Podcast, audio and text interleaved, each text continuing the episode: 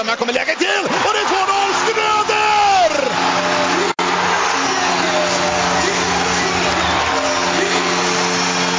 Och stället går bananas! Fullständigt! Gälleräven Center jublar!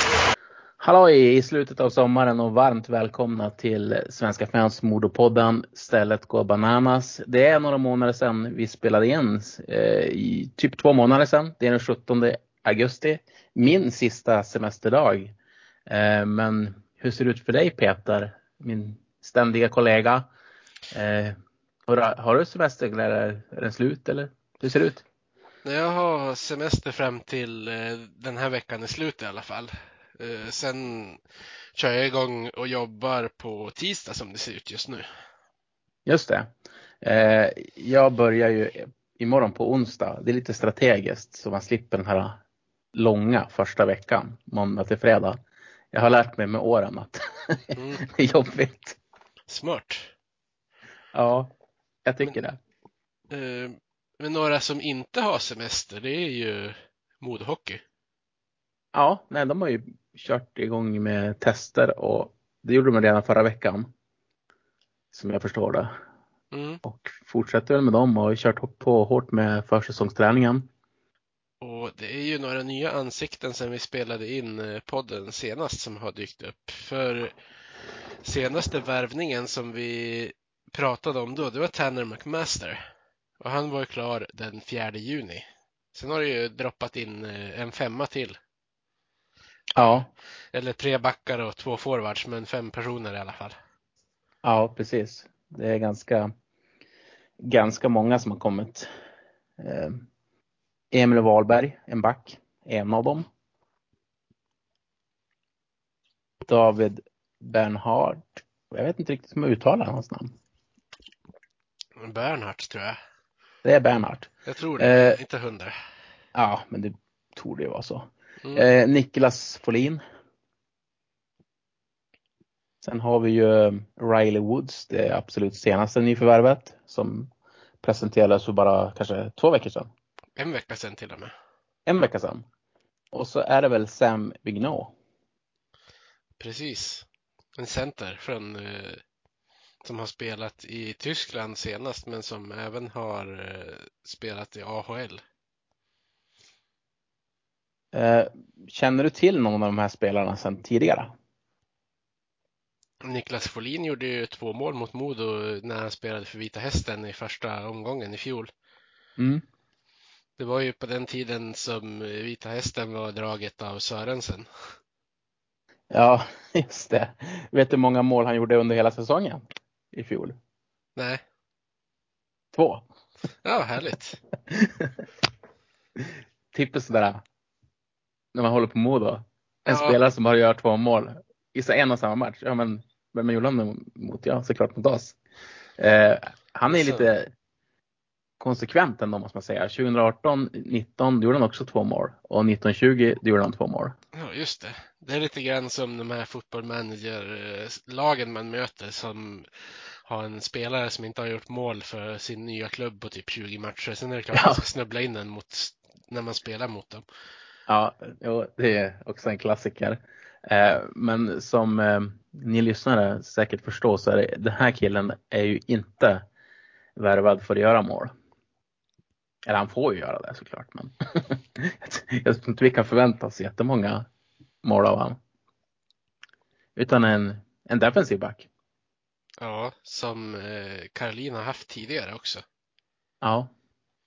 I Västervik. Han har till och med varit lagkapten där ett år. Ja, det känns som en bra karaktär. Alltså Folin. Det är ju stabil spelare känns det som. På hockeyallsvensk nivå. Han har ju aldrig varit högre upp än hockeyallsvenskan utan eh, som jag förstår det i alla fall. Och David, ja, jag ursäkta. Tänkte, tänkte säga Emil Wahlberg har ju också haft eh, gemensam nämnare att han har varit i Västervik och haft Karlin. Ja, han var där på lån i fjol och har ju flera säsonger där innan eh, han gick till Oskarshamn. Mm. Sen har vi David Bernhardt som eh, spelat i Växjö, Djurgården. Och kommer ju senast från finska ligan. Han har ju spelat mest i Saipa. Men var utlånad till HIFK. Tio matcher i fjol. Jag har inte så bra koll på honom måste jag säga faktiskt. Du som brukar kolla på junior-VM. Ja. Då borde du haft koll på honom. Han var ju med och spelade där 16-17 säsongen. Ja. Jag kommer knappt ihåg vad som hände för mig igår. Nej. Så, så, jag har verkligen inget bra minne. Nej, just det, men han var med då i alla fall. Det året som bland annat Alexander Nylander var med. Ja, just det. Ja, men då. Och Rasmus Dahlin också för den delen. Men Rasmus Dahlin var ju underårig för, han, för det var ju 97orna som spelade då. Ja, han fick ju inte spela så jättemycket kommer jag ihåg. Eh, Rasmus, utan de satte sig mer på andra backar. Ja, precis. Uh, Oliver Killington var ju en av dem bland annat som inte blommade ut på det sättet man trodde sen. Men det är ju inte det vi ska prata om i den här podden.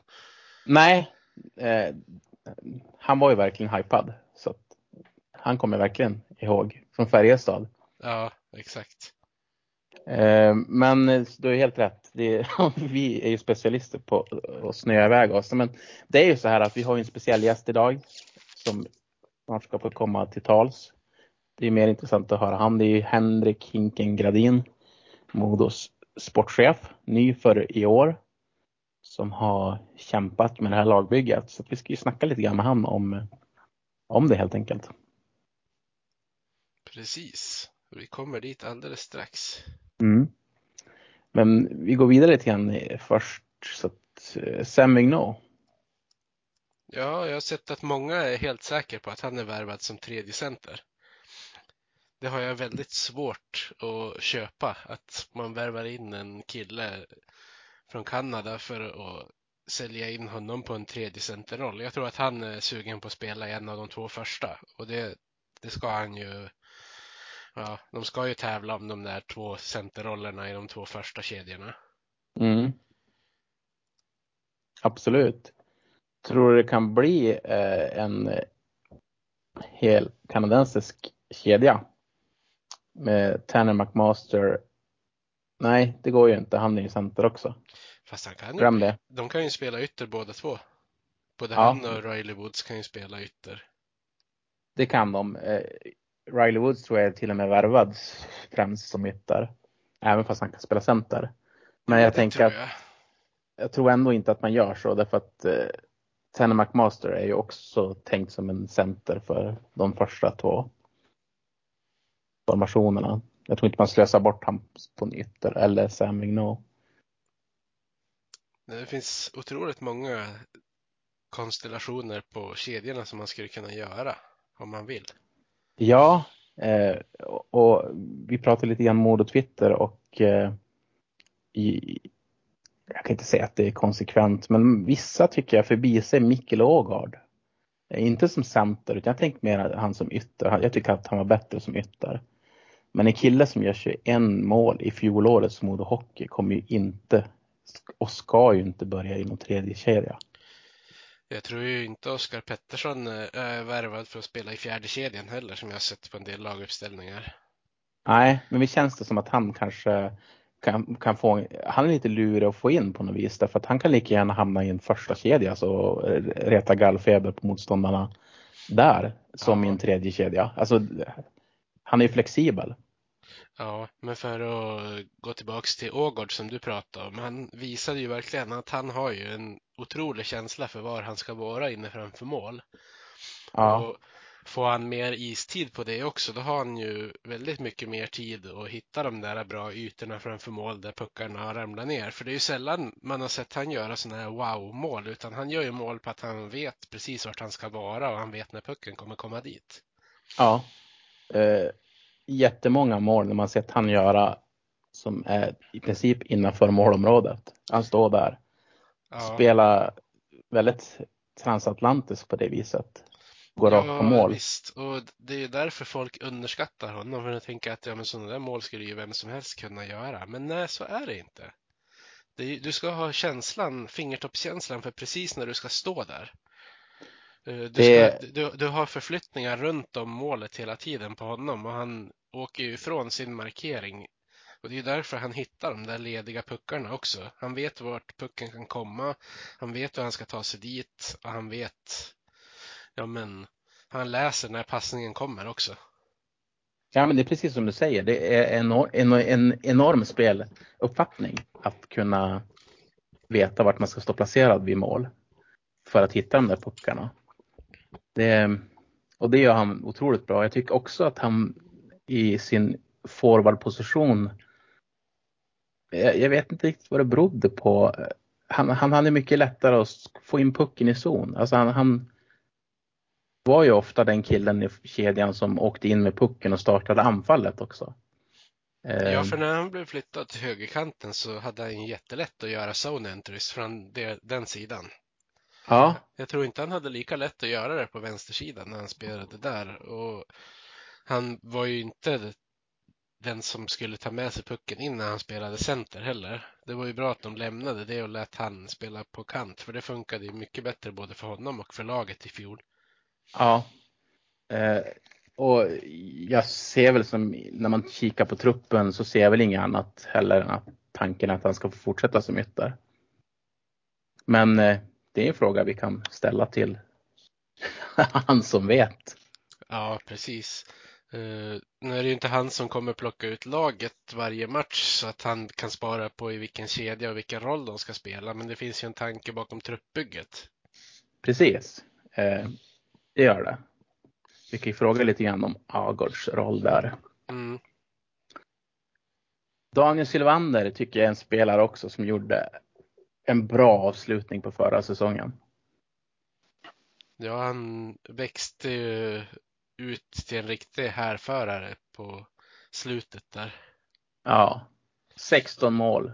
En, en, stark målskörd av honom som tidigare har gjort eh, nio mål som mest i Hockeyallsvenskan. Ja. Det är ju, kommer ju vara intressant att se vilka som blir kaptener den här säsongen. Ja, det borde ju offentliggöras om inte så lång tid. Precis som inte annat så kan vi ju höra oss för i podden. Men vad säger du, ska vi släppa in Hinken? Men du, nu ser jag att vi har fått eh, celebert sällskap. Henrik Hinken Gradin, välkommen till Svenska fans och Modopodden.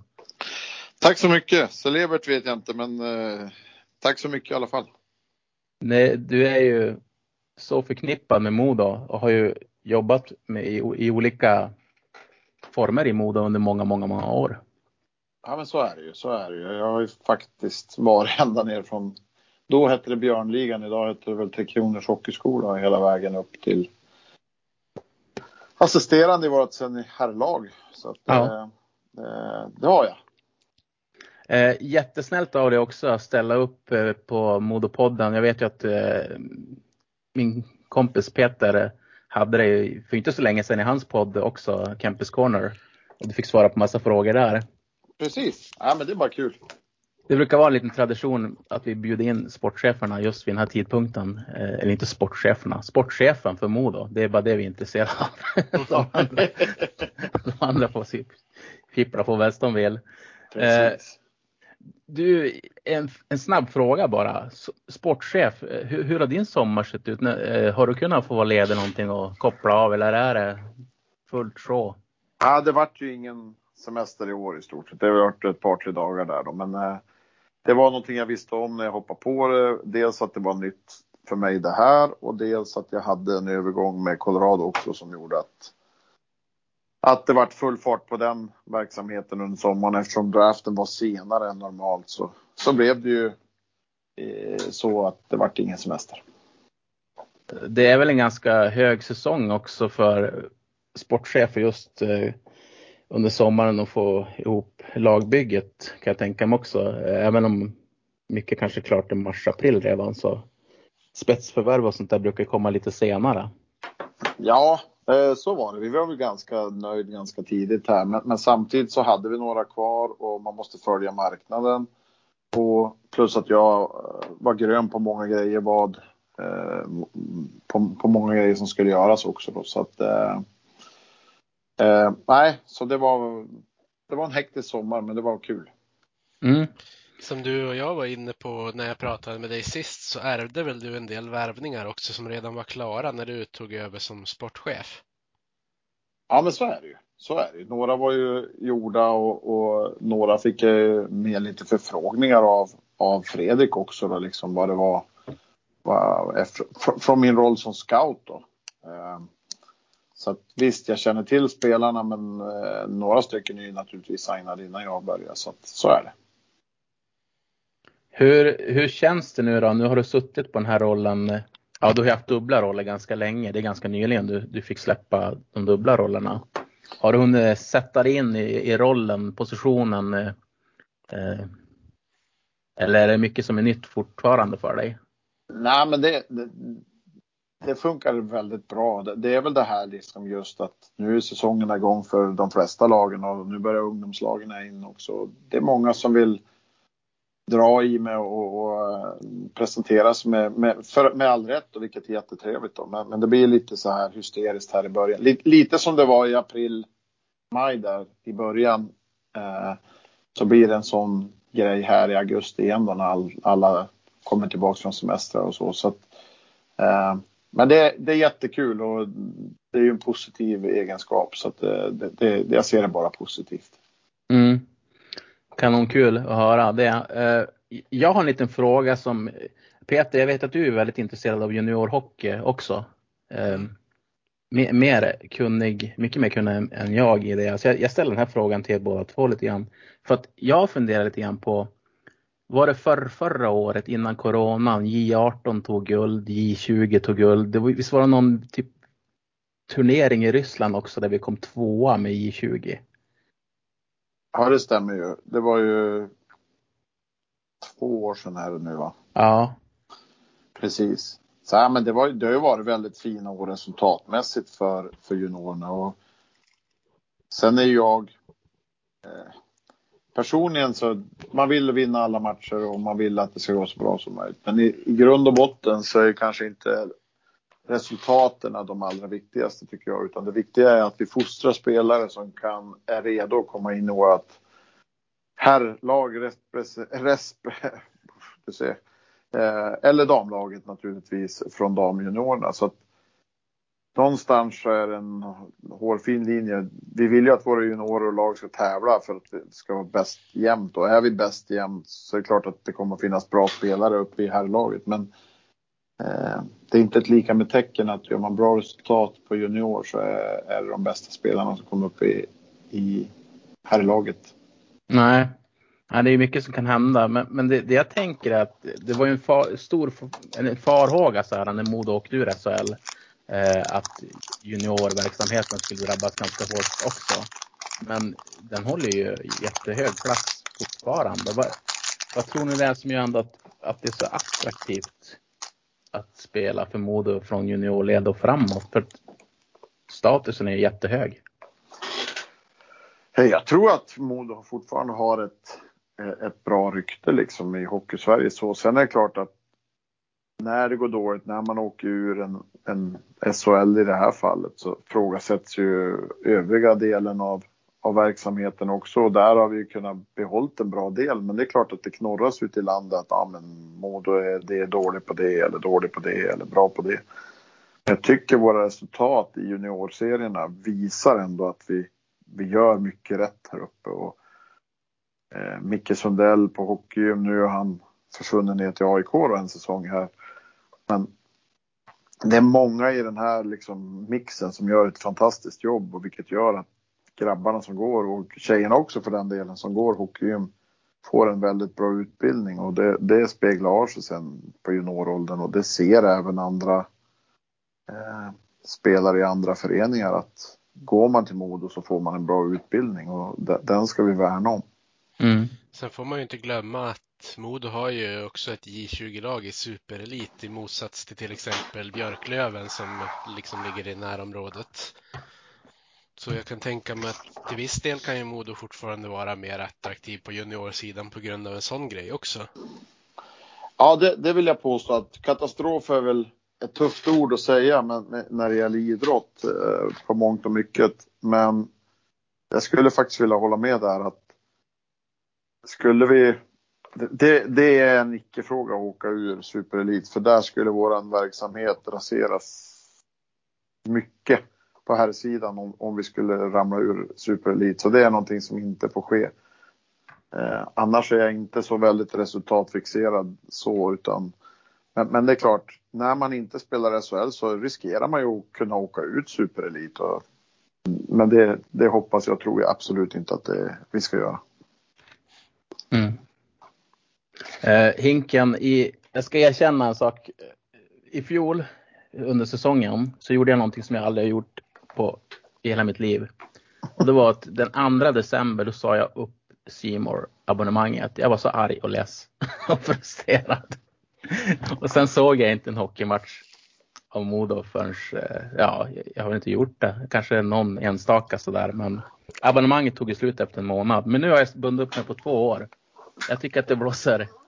Det känns positivt. Det, jag vet inte, det, det känns bra. I och för sig gör det inför varje säsong. Man är ju dum på det sättet som fan eller vad man ska säga. Man, men det känns väldigt bra nu. Du eh, är på plats, stort mod och hjärta. Ni har fått Kalin tillbaka. Stort mod och hjärta. Eh, det känns som att det är tänkt på kontinuitet. Han är skriven på tre år. Och så sa jag till Peter också innan, vi, innan du kom in att jag tycker, jag är en sån där som vurmar för centrar. Eh, och det känns som att vi har det jättebra ställt på centersidan med nio spelare tror jag som skulle kunna hoppa in och spela center om det behövs. Alltså så är det och lite så har vi byggt. Vi, vi vill ju bygga starkt i mitten och, och starkt på backsidan också.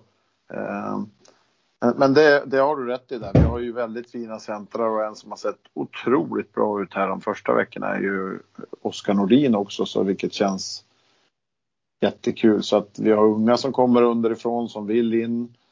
Och vi har en hel del ytterforwards som har spelat center tidigare som, som, eh, som finns som alternativ. Så på pappret ser det jättebra ut på centersidan och vi har ett djup i centersidan. Eh, mm. Som det, jag tror att det var ett tag som vi hade i Modo faktiskt.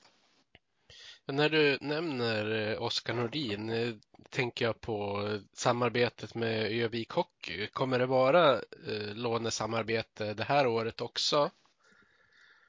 Ja, vi har en plan för Oskar. Eh, sen är det klart, är Oskar alldeles för bra för, att, inte, för att, ta, att han tar en plats hos oss. Men vi har en plan på honom att utbilda han ordentligt det här året, att han ska köra fys här på morgnarna och så vara med i ÖHFs verksamhet kvällstid och spela mycket minuter och mycket tid där. För att vara helt, i våran mening då, fullt färdig nästa säsong eh, och kliva in här. Men fortsätter han i den farten han har börjat här ute nu, då blir det svårt för Mattias och Jonas att inte plocka in han i laget. Så, så enkelt är det ju. Ja, det känns som en väldigt spännande spelare, måste jag säga. Ja, man har ju storleken och en otroligt skridskoåkning och skills, packskills för att vara i den storleken och det, det är ju inte så många som har det i dagens hockey egentligen. Så att, nej, han är jätteintressant. När, när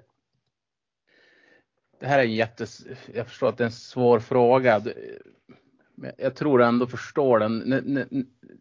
Du har ju inte kunnat välja alla spelare själv eftersom du har ju ärvt platsen. Vissa var klara innan du tog över.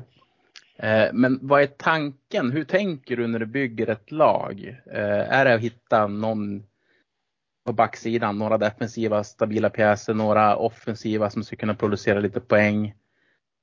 En checking line som är ren och skär checking line. Hur, hur tänker du? Ja, mycket av det där stämmer ju liksom på backsidan att man vill ju ha inte bara sex till åtta stycken som dansar fint med pucken och är offensiv för det kommer inte funka i egen zon i alla fall och i, i sådana situationer. Men där är det lite mer så att ha några som är extremt puckskicklig, vill ha mycket puck och ha några som är extremt duktig defensivt och kan spela både tufft och hålla motståndaren på utsidan. Så där, backsidan försöker vi bygga så. Forwardsidan är ju också, men kanske inte ren och skär checking line. Jag menar, om vi ser till idag som på träningen som det har sett ut den här första veckan så är det ju Sylvander OP och Max Järnström och eh, Sylvander OP och Max det, det, kan ju vara en riktigt, riktigt bra kedja och i mm. producerande form i Hockeyallsvenskan också. Så att vi ser inte dem som att de ska in och checka. Men det är tunga killar att möta och eh, ingen kul killar att möta. Men, men att de är utnämnd som en checking line. Nu, nu ska det vara klart för oss att det har varit på is en vecka också. Så att, men, men det är inte, vi, vi ser det väl inte riktigt så där. I, vi, vi vill ha fyra bra kedjor och kan vi få ju fler, mer produktion vi kan få från ja, en eventuell tredje, fjärde kedja ju starkare blir vi som lag naturligtvis. Ja, ja Sylvander hade ju, vi pratade om han också innan du kom in att speciellt hans avslutning i fjol tycker jag var fenomenal. Han landade ju på 16 mål, vilket ja. är en jättebra siffra. Han har gjort en bra resa här i sommar. Han har tränat enormt bra och tagit, tagit sig ett steg till. Så att det är en väldigt spännande spelare och han tillsammans med OP Eh, kan jag tänka mig att det är inte är kul att möta dem liksom från motståndarlagen. Så att det, det, ja, men det, det är spännande. Ja. Eh, jag kan slänga in en fråga som jag tycker, som jag fått på Twitter från en kille som heter Marcus Törnqvist. Eh, att många i det här bygget eh, av spelarna har ju tvåårskontrakt, men det finns ju några som sitter på ettårskontrakt. Eh, vi har ju Agard ett år kvar, eh, Riley Woods, Wallin, McMaster. Eh, om det funkar bra för dem, hur tänker man som sportchef då? Vill man förlänga, försöka förlänga med dem tidigt? Det är kanske är svårt att göra det. Eller väntar man till efter säsongen? Ja, det där det, det är väldigt olika. Det är klart att ju fortare ju bättre är det ju liksom att, att få göra dem klar. Men, men utlänningarna är ju väldigt svår. Mm. De vill säkert vänta också. Men, eh, vi vill nog ha två år på väldigt många. Samtidigt kan vi inte skriva två år med alla för att då blir vi lite hämmade år två om vi får rätt spelare på bordet också. Så att, eh, vi ska väl ge det till framåt hösten här, men jag är inte främmande för att skriva med spelare här redan i oktober, november. Om det är spelare med rätt karaktär, spelare som vi absolut ser en framtid i Modo-hockey så eh, varför inte göra klart i tid? Och skönt för spelaren att få slappna av och inte känna vad han ska göra nästa år. Och, eh, är det ett ömsesidigt eh, tycke för att vara kvar i modehockey och, och så, så, tycker jag att man ska inte skjuta på det så länge heller. Nej. Sen tänker jag, någonting som jag blir frustrerad över, men det måste vara ännu värre såklart när man sitter som sportchef, det är också hur mycket kontrakt egentligen är värda idag.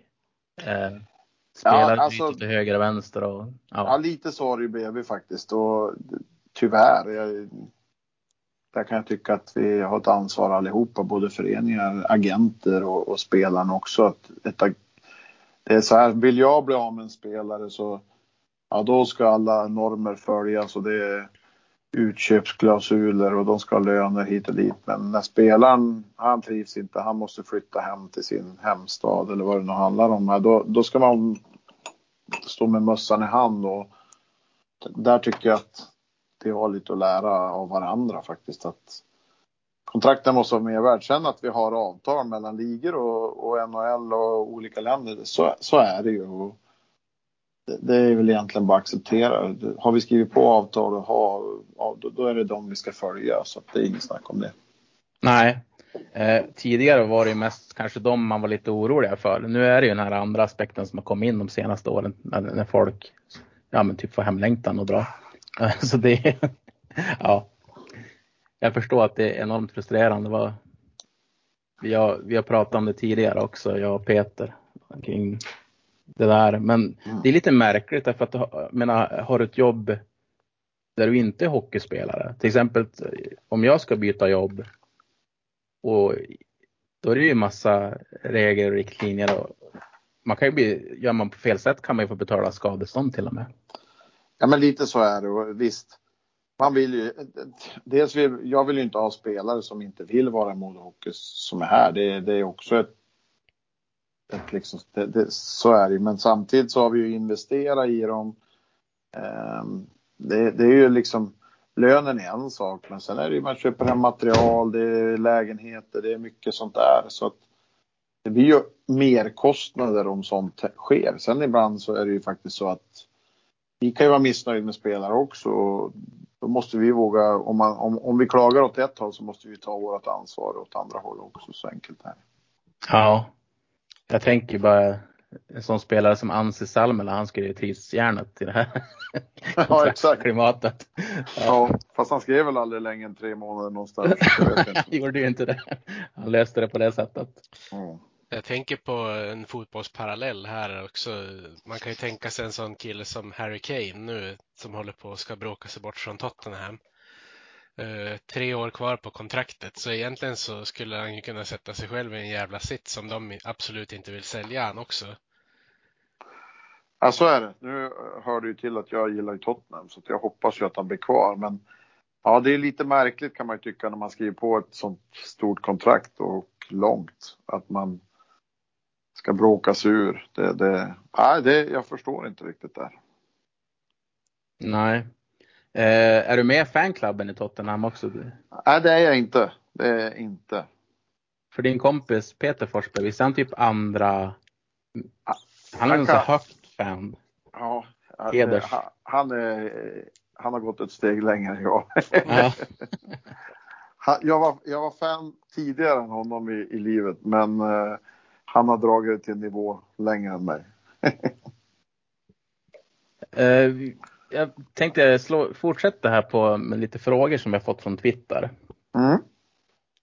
Uh, vi får ju, det är ju mycket om Patrik Karlqvist och uh, ersättare till honom.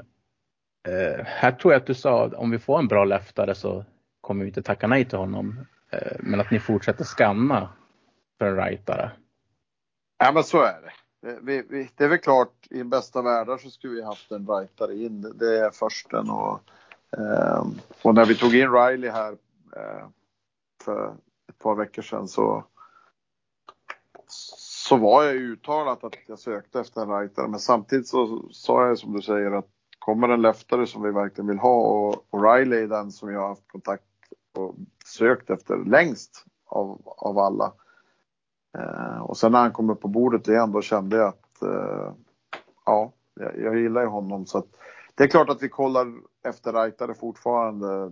Det är ju inte riktigt optimalt om man ser till lagbygge som vi har det med en rightar forward överhuvudtaget i OP så att eh, vi har inte stängt några dörrar och eh, man ska inte säga att nästa spelare in är rightar heller för det vet man. Det, det kan mycket väl dyka upp någonting annat men Eh, Eh, vi söker inte aktivt efter någon left-skytt just nu, men eh, man vet aldrig vad som händer. Det är bra spelare är viktigare än att med right eller left. Mm. Ja, men det håller jag helt med om också. Och, eh, men hur, är hur ser det ut? Eh, fortsätter frågan här också med eh, om Oskarshamn, om det inte skulle funka för exempelvis Karla där, eh, att det skulle gå trögt för han. Kan det finnas en chans att Modo lånar in honom resten av säsongen? Och hur ser samarbetet med IK ut? Det misstänker att det är likadant som med andra SHL-klubbar, men du kan ju beskriva lite grann hur det Ja, vi har en bra relation. Jag känner ju eh, Frögren väldigt, Fröberg väldigt väl i, i Oskarshamn. Så vi har en bra dialog. Eh, för det första ska jag e- villigt erkänna att Patrik Karlqvist skulle jag gärna vilja ha hem hit varje dag i veckan och han är välkommen hit. Men jag hoppas jag, jag, känner ju Karla lite grann och jag hoppas att han lyckas där. Jag tycker att han är mm. värd det. Han har... Sen är det klart, funkar det inte för Karla så är ju Karla alltid ett namn som vi står och tar emot här på oavsett. Han, han är en, en modokille i mina ögon och det finns ingenting som skulle tveka på om han är sugen att komma tillbaka och komma hem. Eh, men jag, men jag menar verkligen när jag säger att jag tycker att han har förtjänat och lyckas i SHL. Så jag hoppas verkligen att han gör det. Han, han är jag tänkte man kan ju, om man, om man riktigt vill, se det som att ni har bytt uh, fyra spelare mot Patrik Karlqvist. För det är ju fyra stycken som har kommit in från Oskarshamn. Ja, lite så är det väl. Uh, ja, men jag tror att Karlas, vad, ska, vad ska jag säga, Karlas han har bevisat i allsvenskan att han är en topp, toppspelare i allsvenskan och får han det inte att funka i SHL nu, ja då då, är det nog där han ska vara i allsvenskan. Men, men eh, jag vet inte. Han, jag, jag, tycker att han borde kunna lyckas i, i SHL och gör han inte det så är den första stå här och ta emot honom. Det, och det vet han om. Vi har pratat om det så att. Mm. Ja, det viktiga är väl att de ger han rätt sorts roll så att det inte blir som det brukar kunna bli när en poängspelare från Hockeyallsvenskan flyttar upp och får spela i en fjärde kedja. Då tappar de ju allt de faktiskt var bra på när de spelade i Hockeyallsvenskan. Precis, men, men det verkar som att han har fått den rollen här i början också, så det är bra. Ja, vad skönt. Alltså jag tror att Karla, när, när det blev känt att han skulle dra till Oskarshamn, Eh, han är väl en av få spelare i Modo där jag tycker att Modo Twitter, som annars kan vara väldigt kritiska till, eh, ibland, alla önskade ju honom den här chansen, önskade att det skulle gå bra för honom. Så att han har ju verkligen berört eh, oss fans. Ja, men han har ju han har ju hela tiden, han har ju aldrig varit ute och gnällt och han har ju liksom hela tiden varit tacksam för det stöd och det han har fått genom åren. Sen drog han ju till Finland och det inte funkade och, och, och stod med öppna armar och tog emot han och hans flickvän. Så att det, jag tror nog att han har, har Modo väldigt djupt in i sitt hjärta också. Men samtidigt som elitidrottsman så vill du nå så högt upp du kan och jag tycker att det är ett naturligt steg för honom att ta det. Jag tror inte han hade fått lika varma kondolenser om man har gått till HV71 eller Björklöven. Det hade inte funkat tror jag. Men just att han är en serie upp och, och, och så. Så det, nej, han är en bra kille och jag förstår att fansen har tagit honom till sitt hjärta. Ja. Jag tänkte ta ett steg tillbaka här till Riley Woods som vi pratade om. Han eh, var ju i Colorados organisation ett tag i fjol. Mm. Hur, är, det, är det därifrån du har fått ögonen på honom eller hur, hur kom det sig?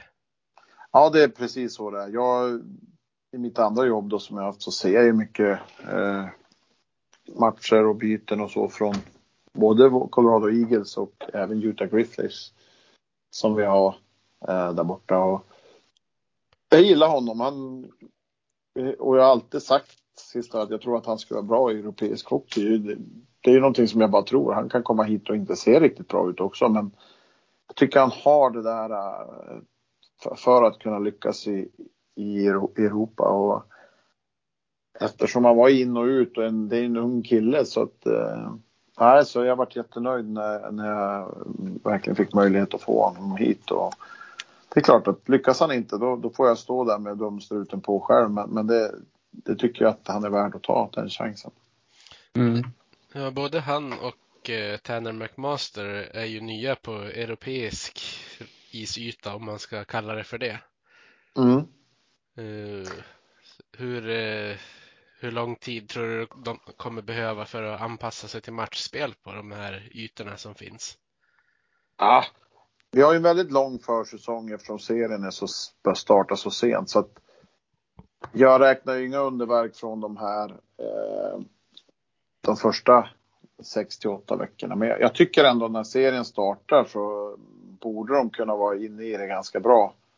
Eh, sen tror jag att det är killar som kommer att växa mer under säsongen och Sam Vigneault här också har ju bara spelat här en 11 matcher eller något sånt där i, i Europa. Men han, han, har sett jättebra ut här också i försäsongen eller på första veckan här. Så att det, jag tycker att det ser väldigt intressant ut på, på de här killarna. Det är ju Riley som inte har dykt upp än, men jag tycks, han är ju den jag har sett mest så att eh, jag känner mig mest trygg i honom så. Och, men det behöver ju inte betyda att han lyckas här för den skull. När landar Riley?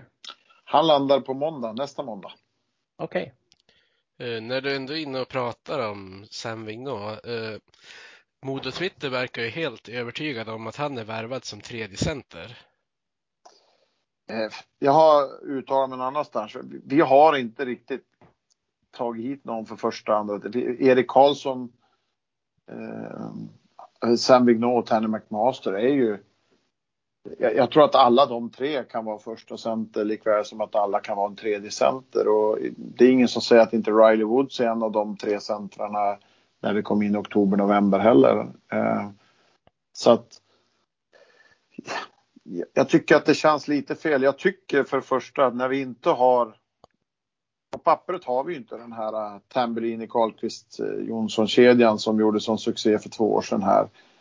Så jag ser egentligen utmaningen att de, de flesta av våra linjer, det är väl egentligen Max som har en lite mer defensiv eh, roll och eh, start i sig då liksom. Men, men annars ser jag egentligen inte vem som är första, andra eller tredje center utan det är mer tränarnas, hur de vill komponera och sätta ihop laget.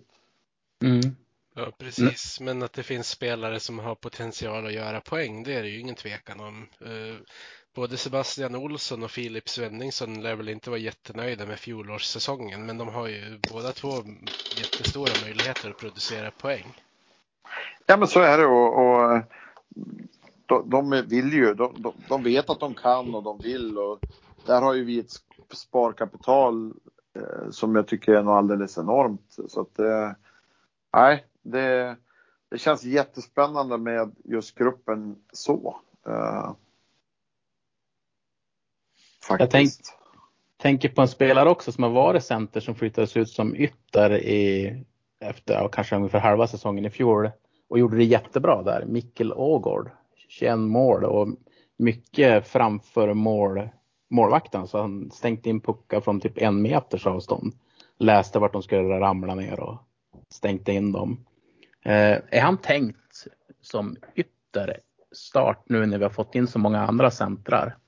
Ja, vi gjorde direkt jag kom in i det här egentligen så tog vi ett snack med, med Mikkel och han själv var väldigt eh, väldigt tillfreds med att spela ytter så vi bestämde ganska tidigt att, att han skulle få fokusera och vara ytter så han är tänkt som en ytterforward i vårt lag. Sen är också han en av det vi pratade om tidigare här att skulle vi få skador, sjukdomar och vad det nu är så har vi en bredd. Mm. Vi har många ytterforwards som kan gå in och spela center och göra det väldigt bra och det, det ser jag bara som en, en positiv grej. Ja, det är en jättestyrka. Jag menar, för de, de kommer ju inte göra bort sig heller om vi, om vi har skada på en center som ordinarie center i tre, fyra veckor så kan, kan ju någon av de här yttrarna gå in och göra det godkänt. Så har det inte sett ut tidigare år. Då har det ju typ fallit eh, som ja. ett korthus. Ja, men det är lite så vi känner. Vi, vi, vi känner ju att vi har en 6, 7, 8 centrar vi, vi, kanske till och med har lite för många sådana och lite för få renodlade ytterforwards. Men eh, smarta spelare löser alltid situationer oavsett vilken position de spelar på. För jag minns, eh, var det tre år sedan vi satt och pratade om att Modo kanske hade seriens bästa ytterforwardskonstellation men en center. Ja, och det kanske blir tvärtom nu då. ja, ja nej, men det, det betyder så mycket med en bra center. De, de kan ju göra ytterforward, alltså medspelare. En duktig center gör ju medspelare bättre. Så, så, enkelt är det ju. Eller enkelt, ja, det låter ju enkelt, men, men så är det ju absolut.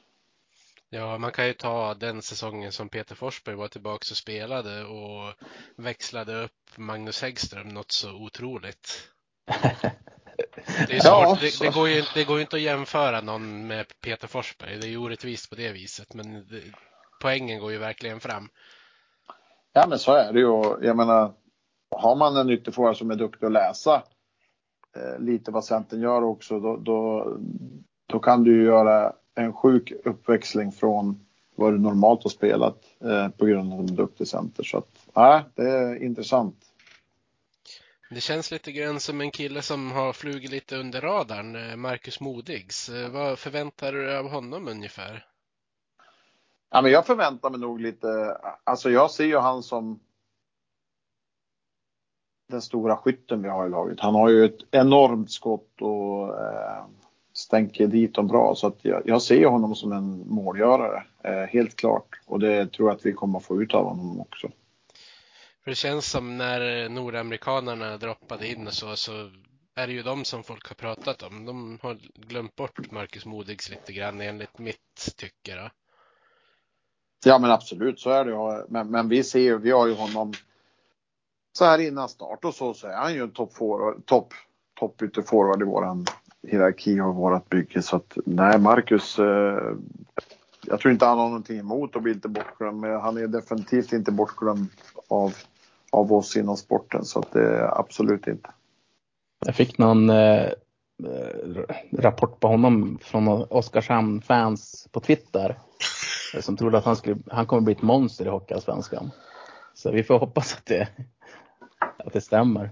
Ja, han har ju sett riktigt bra ut här i början också. Det, sen är det ju så med sådana killar som ja, bygger lite på att de är målskyttar. Får de inte in riktigt pucken heller, då blir de frågasatt och så blir det kritik. Men där är ju vårt jobb att, att bygga honom. Att skulle inte puckarna ramla in och missa mycket chanser eller så, så, så, så att han inte börjar fundera och så, utan vi vet vad han kan och jag tror han definitivt vet vad han kan så att vi är inte oroliga för det.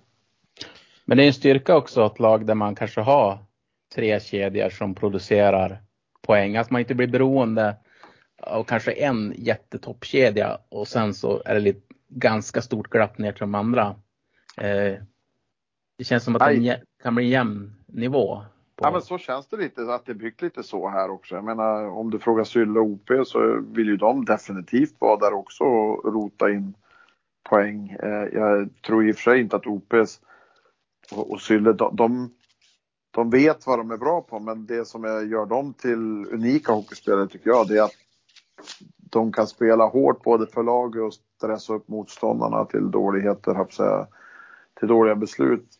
Och kan fortfarande vara väldigt produktiv så att det är få som har det och det är väldigt attraktivt i dagens hockey. Mm.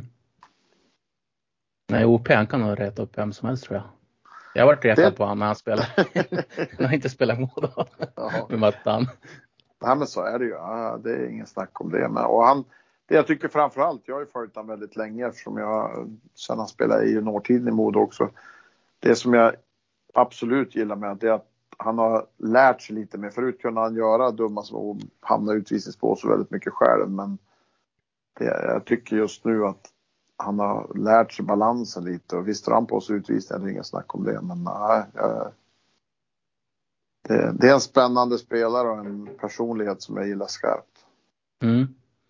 Eh, om du skulle, nu är ju du sportchef och jag vet inte om, det är väl inte favorisera någon spelare men lite så här, någon back, någon forward som du skulle vilja nämna lite speciellt som vi ska hålla lite utkik på eller några spelare sådär? Ja men så här spontant så är det ju back, jag tycker Pontus Rosén har alla verktyg för att spela SHL. Eh, jag, ja, det är en jättespännande spelare som jag gillar skarpt. Och på forwardsidan så tycker jag det finns väldigt många intressanta spelare och jag ska inte nämna Riley Woods tack vare att jag inte han har dykt upp än. Så att, av det lilla jag sett så eh, alltså tycker jag jag flaggar lite för Vignå här faktiskt. Mm. Men eh, vi måste ju ställa den här frågan vad statusen är på Tobias Wiklund. Ja. Ja, tyvärr för Tobbe och tyvärr för oss eh, är det inte alls något bra. Eh, Tobbe tränar, han är en otroligt fysisk form. Det är som han kör och han vill. Eh, men han vart ju otroligt besviken som människa här när, när vi gick igång och det inte, enligt han, inte är någon skillnad överhuvudtaget i, i handen med smärta och, och rörlighet. Och, det är jättetrist. Eh, vi får se nu om man ska göra några fler röntgen och se om det går att göra någonting åt det.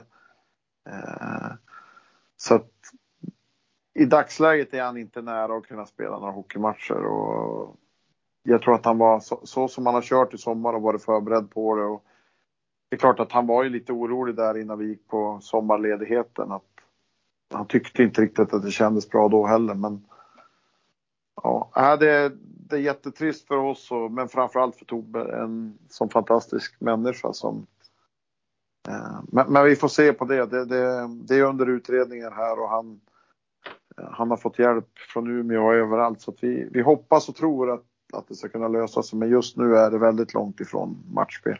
Usch, mm. tråkigt. Ja, verkligen. Det blir ju när de har vänt hem så här också. Han skrev treårskontrakt och skulle avsluta i Modo. Så ja, man hoppas verkligen att han får det avslutet han vill ha så att det är inte den här skadan som kommer förstöra allting för honom. Och det, påminner Nej, ju, det påminner lite grann om den här skadan som Tommy Enström fick när han hade börjat den här första säsongen i Hockeyallsvenskan så bra. Ja, nej men det, det, är ju liksom. Visst är det tråkigt för oss, men jag, jag är ju fortfarande just att för dem, deras egen skull liksom att få avsluta på sina egna premisser. Det är klart att många idrottsmän får lägga av på grund av skador, men ah, ja. Det är alltid lite extra sorgligt när det är så. Men jag tänker på Peter Forsberg också som, som fick avsluta på grund av skador när, när han gjorde comeback i Colorado. Det, det, är alltid tufft på något sätt när, ja. när det blir så. Ja, ännu värre, ännu värre är det ju när det är någon annan som ställer till som för Peter Öberg till exempel. Ja, ja, ja. En ja, det är ju trist. Ja, det är, det är väldigt trist liksom. Eh, Hinken, vi har några minuter kvar på den tiden vi fick boka med dig så, som du så snällt ställde upp på. Vi är jättetacksamma att du kunde titta förbi. Men en sista fråga från mig i alla fall. Eh, det här årets upplaga av Modo, vart skulle du vilja se dem? Jag tänker personligen för mig själv, topp 6 skulle jag vara jätteglad om vi kom. Ett stabilt slutspel och sen bygga vidare och bli livsfarliga kanske nästa säsong. Säsongen därpå. Eh, nej men det är väl klart att där vill vi ju vara liksom. Det, det är ingen snack om det. det Topp 6, det är lite som jag uttalade mig tidigare att kan vi vara topp 6 då, då, kommer vi ju vara och slåss varje, varje vecka, varje dag. Så att eh, jag tycker att vi ska vara topp 6. Jag, jag, tycker att det, det kravet ska vi kunna sätta på oss själva. Sen har vi inte spelat några matcher och vi vet inte riktigt var vi står och vi kommer att möta tre SHL-lag på raken här. Eh, vilket kanske inte sätter Oavsett om vi vinner eller förlorar så kanske inte så kanske inte det säger ändå hur bra vi är eller hur, vad vi saknar utan det är väl klart. Men, men jag tycker jag håller med om att topp 6 är där bör vi ska vara. Jag, jag, tror att det finns jättepotential i laget med eh, när man tittar på det på papper. Men jag tänker också att det är ganska mycket nya spelare. Det kan ta ett tag för det att kugga i. Eh, så jag tänker att vi kommer lite krypande mer och mer och blir starkare och starkare. Eh. Ja, Nej, men där är, och det är nya tränare och det, det är mycket nytt så att, mm. Eh, det, det, är klart att det, att, att det är det, det, kommer att ta sin tid, det är jag helt övertygad. Så att. Peter, har du någon sista fråga till Hinken innan vi släpper iväg honom på lunch? ja, och vi har ju inte nämnt eh, backsidan så jag tänkte bara be om en snabb sammanfattning på det. Sen är jag ganska nöjd. Målvaktssidan har vi gått igenom någon gång tidigare för den var ju klar ganska tidigt. Ja, Ja, egentligen backsidan. Bakslaget är väl Tobbe Wiklund just nu då. Så är det. Kan snabbt dra igenom att vi är jättenöjd med Nässén som jag jämt tidigare. Emil Wahlberg tror jag kommer bli enormt viktig för oss.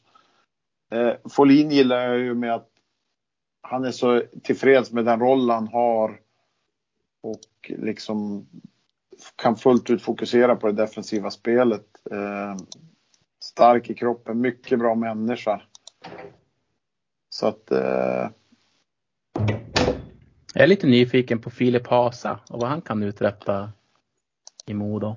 Ja, han är ju en offensiv kille, duktig med puck. Eh, så att eh, nej, det finns mycket intressanta backar, men jag tycker att det är en som har sett jättefin ut här nu också, Hugo Styv. Mm. Eh, fått vuxit till sig. Har inte pappa i, i, i båset, vilket jag tror att kan spela in en roll till slut, både för han och liksom han får koppla av på ett annat sätt. Eh, men han har sett jättespännande ut första veckan här och det är kul när våra unga killar, man, man, man ska göra klart för sig att Hugo är väldigt ung.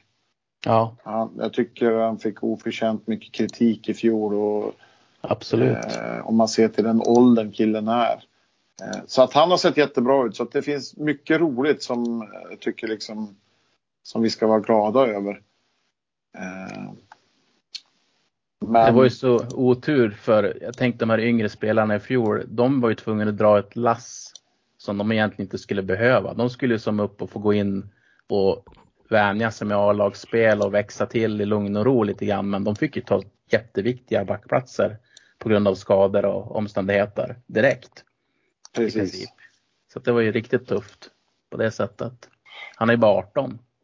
Exakt, det, det är ju det man måste. Men så vi tycker att eh, Darroth eh, har ju rutinen och, och ska ju bidra med, med liksom mycket och där. Och, eh, ja, vi, vi känner oss väldigt tillfreds med backsidan just nu. Det är ju som jag sa innan att eh, ett bakslag är ju Tobbe Wiklund och vi hade ju räknat med Tobbe här. Och, Mm. men, men återigen, jag lider mer med Tobbe än, än vad jag lider för min egen del när det gäller det. Eh, faktiskt. Eh, det ska bli jättekul att följa årets upplaga av Modo Hockey. Vi önskar er stort lycka till. Eh, hoppas det går jättebra den här säsongen. Tusen tack! Tack ska du ha. Sköt Tack. om dig. Tack! Ja, det var ju spännande att få höra Inken. Absolut. Fick du det, de svaren du hade önskat?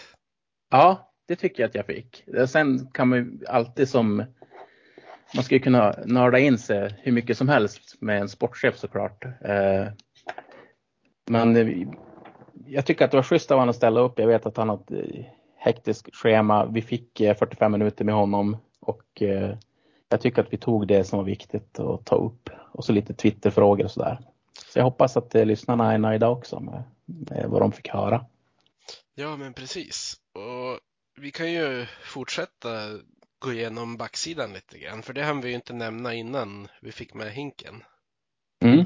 Vi var ju mest inne på lite grann på forwards då. Ja, Eh, Hur tänker du runt backsidan, Johannes? spontant så, alltså, spontant så känns det här lagbygget bra. Eh, Glader, Hinken, lagbygget. Glader står ju bakom en del värvningar, det får vi inte glömma. Nej, det är ju ingen hemlighet. Nej, det är ingen hemlighet. Eh, jag tycker att det känns bra. Eh, det känns stabilt. Det är som, som Hinken sa med Tobias Wiklund, det är jättesynd för hans skull. Men om vi bortser från det nu. Vi har ju Hugo Styf som vi var inne på. Filip Hasa som är unga backar, lovande backar. Vi har Kev, Kevin Arvidsson och Lovric också där. Som är ganska unga. Eller de är ju unga. Men sen har vi Nässén. Vi har Wahlberg, vi har Folin, Bernhardt. Det känns som att vi... Det känns stabilt. jag vet inte vad jag ska säga annat än det. Nässén tror jag kommer kunna bli jätteviktig och jätteduktig i Modo. Han kommer säkert tillföra en del framåt. Eh, Ja. Annars känns det ju mycket som att eh, försvaret är byggt på försvar. I Ja. motsats till hur det kan ha sett ut tidigare år. Man har velat så mycket framåt att man har slagit knut på sig själv i försvarsspelet. Ja men precis. Eh, Det var en bra sammanfattning som jag håller med om. Därför att vi, har ju egentligen Nässén och Hasa Mm. Som är lite mera offensiva eh, backar. Jag tror Hasa kommer kunna säkert ta fler steg eh, i Modo när han får fortsätta utvecklas. Säkert. Sen tycker jag att ja, men Folin och, och Nässén och de här, det känns som att det är stabila backar. De kommer ta rätt beslut i s- egen zon. Eh, inte hålla på och fippla till höger och vänster. Nej, eh, man kan ju tänka tillbaka ett par år. Eh, Modo under Björn Hellkvist vann ju matcherna med 7-5. Det var ju inte så här 3-1.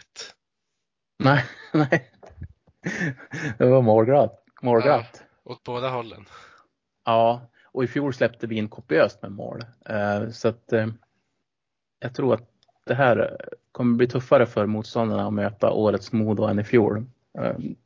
Självklart. Vi var ju inte bra i fjol. Så att, Nej, särskilt nu när det dessutom finns centrar som kan spela åt båda hållen. ja. Eh, kul också tycker jag att man med Mikael Agård när vi pratade om det att ja, men, han är forward. Positionen så passar han bäst. Ja. Ja, det, det blir ett överflöd av centrar som Hinken var inne på också. Om Riley Woods dessutom kanske kan tänkas spela center. Ja. Jag tycker att det känns det känns väldigt spännande att gå in den här säsongen. Ehm, sen hoppas jag att Sebastian Olsson och Filip Svenningsson att de får en bra start och får självförtroende in i början av den här säsongen därför att de kommer bli jätteviktiga. Därför att det är ju spelare, de kommer ju spela eh, topp 9 forwards. Ingen av dem kommer ju sätta sin fjärde formation, det är väldigt svårt att säga. Eh, även om man säger att, att det inte finns någon checking line, nej det, det finns ju inte på det sättet längre som kanske tidigare men det handlar ju om istid. Och vilka situationer man slänger in formationer. Mm. Eh, och de, med deras uppsida offensivt som båda har så är det viktigt att det inte blir en säsong som i fjol därför att då kan det se lite magert ut på, på ytterforwardspositionerna tycker jag. Jag tror att det finns mycket utveckling i Jeremias Lindevall också. Ja, det gör det.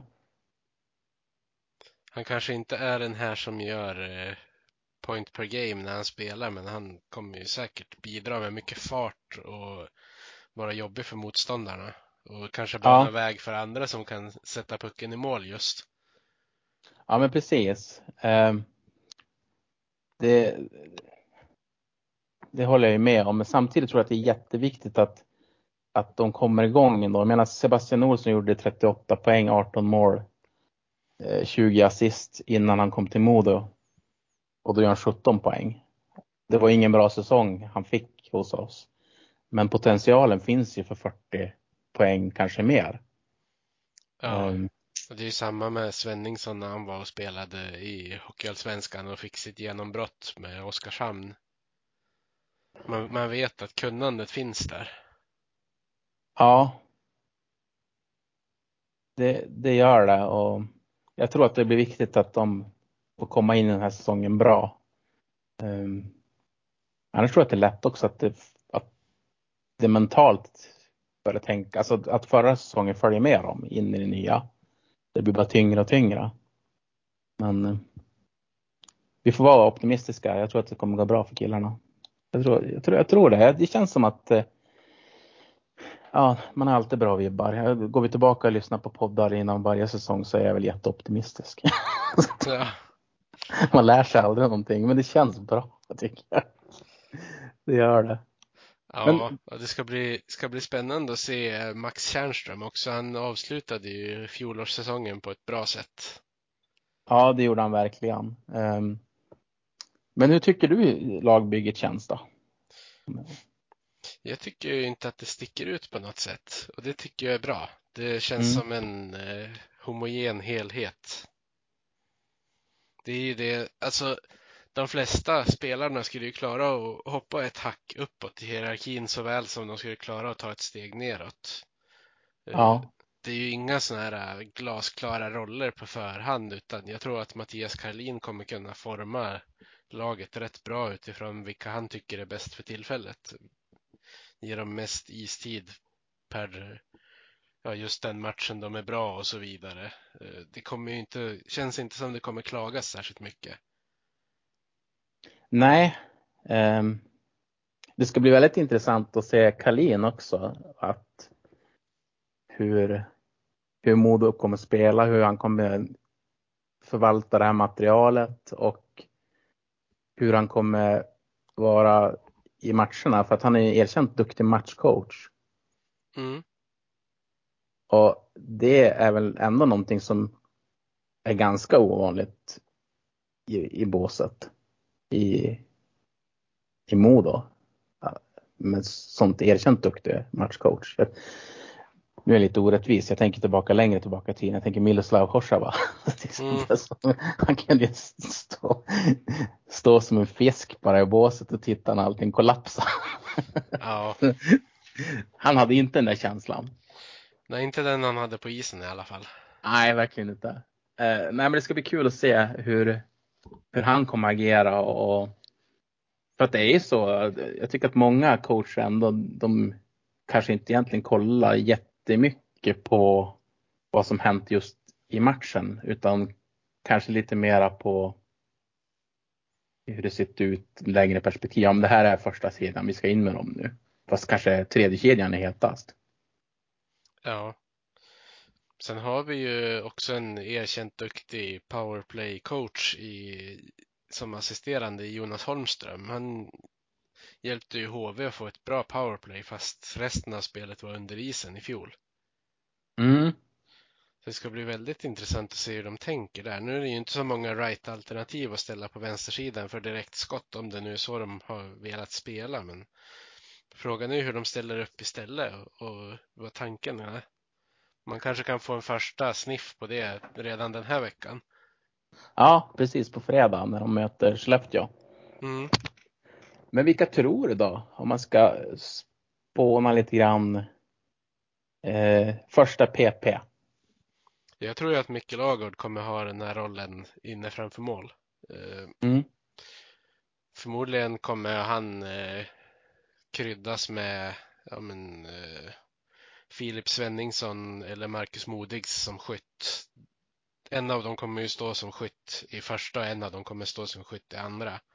Mm. Men vi kanske säger Modigs i, och Tanner McMaster i första. Då. Ja. Sen tror jag ju att Pontus Näsén med sin right-fattning och puckskicklighet kommer spela mycket powerplay på backplats. Ja. Sen vet jag inte om, om de kommer köra Hasa som andra.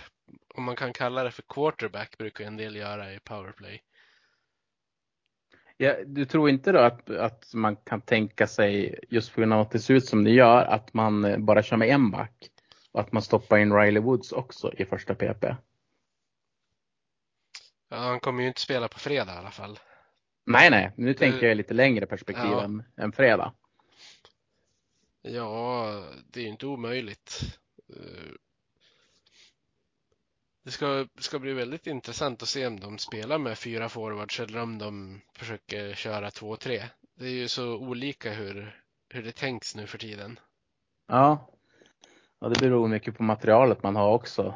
Ja, Och hur, hur fäst man blir på att det måste vara eh, en rightare inne hela tiden.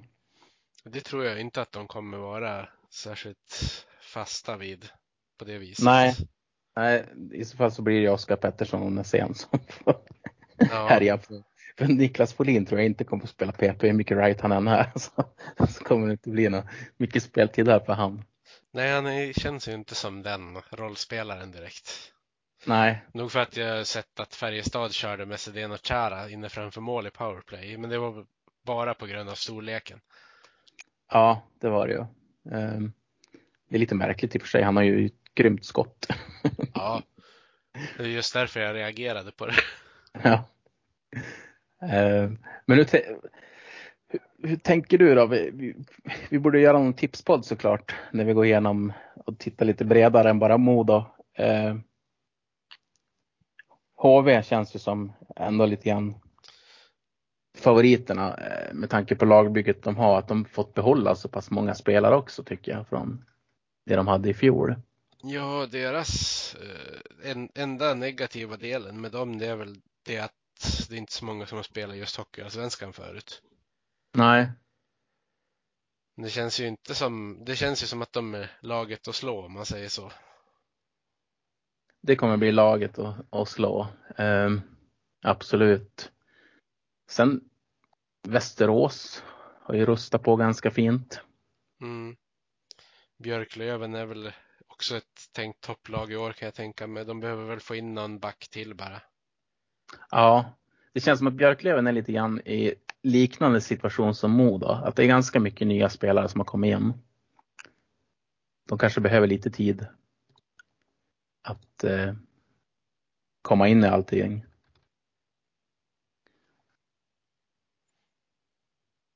Men ett lag som man alltid glömmer bort det är ju Bofors. Alltså jag tror att de blir livsfarliga i år. Ja, de kommer vara bra det här året också. Mora kommer säkert komma topp fem de också, men jag tror ju inte att de kommer kliva in och vinna serien som eh, de var inne på på Expressen. Vilka trodde det? Ja, men vem tror du? Han som ska sticka ut jämt.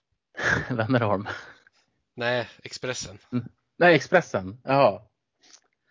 Eh, Det var Adam. Trodde han på Mora? Ja, att de skulle vinna serien.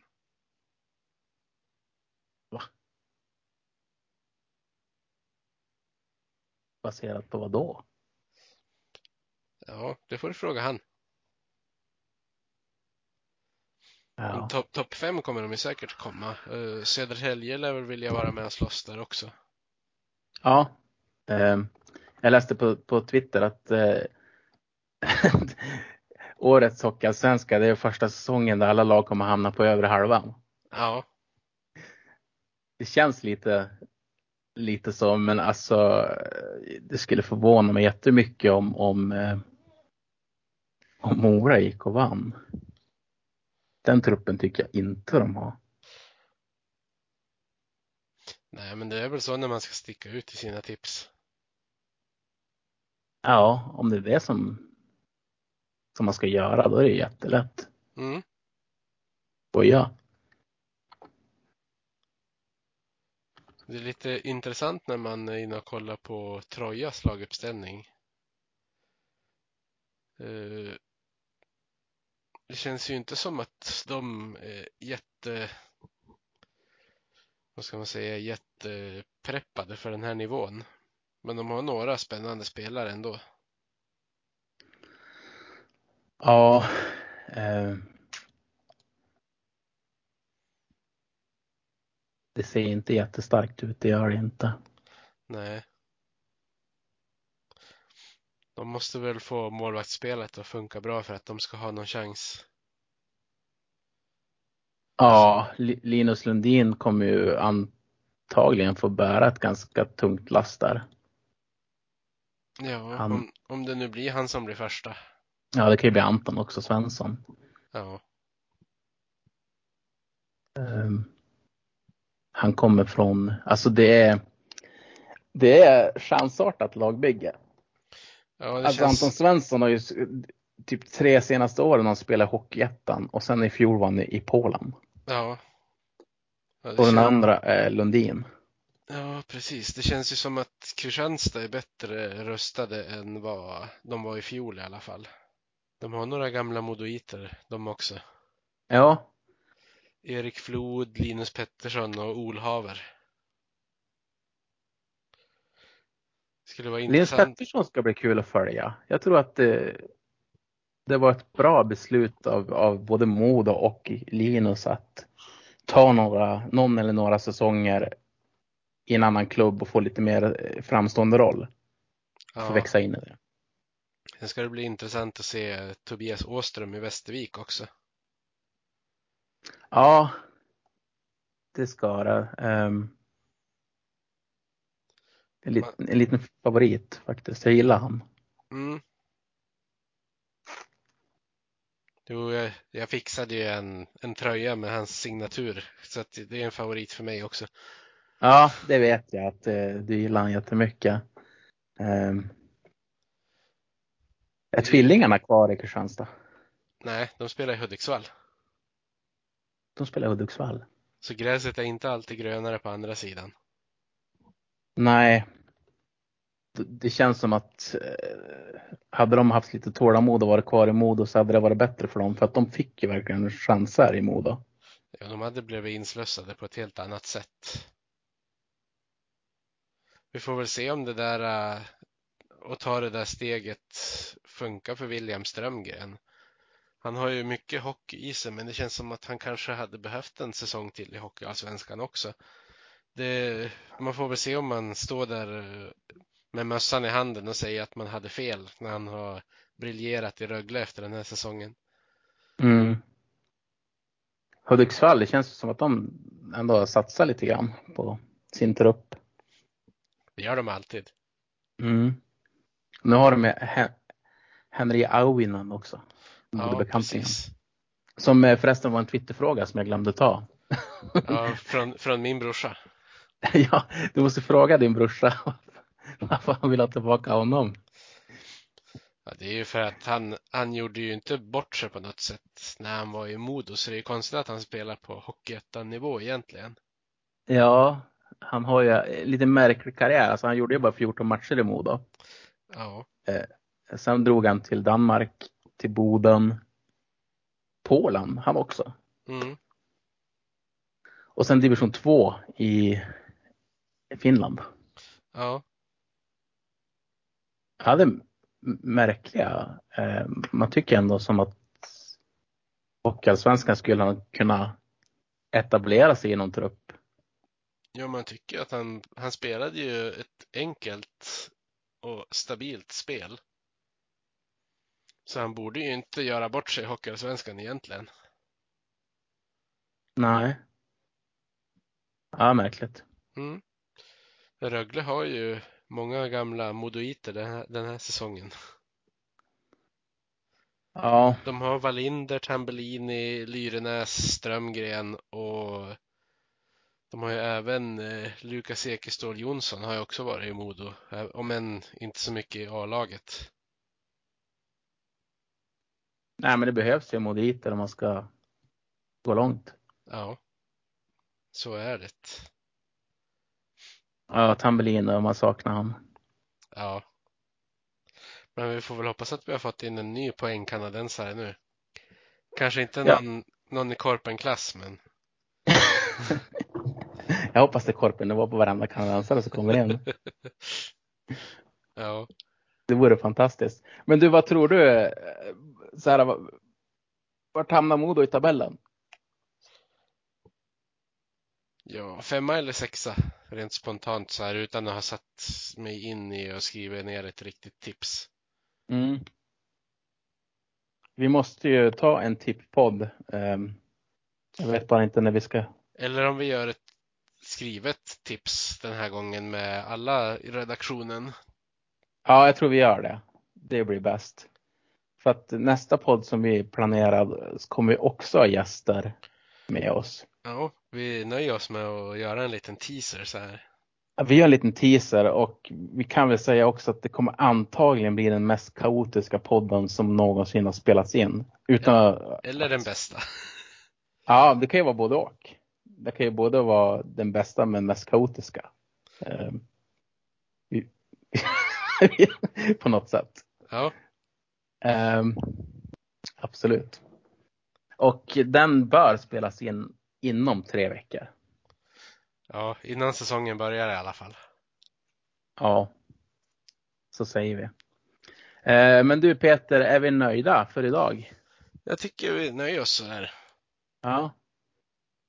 Då tackar vi alla som har lyssnat på oss. Vi tackar Hinken såklart för att han gästade. Eh, Och eh, jag hoppas att eh, man kan säga så nu. Vi ses i lyan. Därför att vi får hålla tummarna på att det blir publik i år.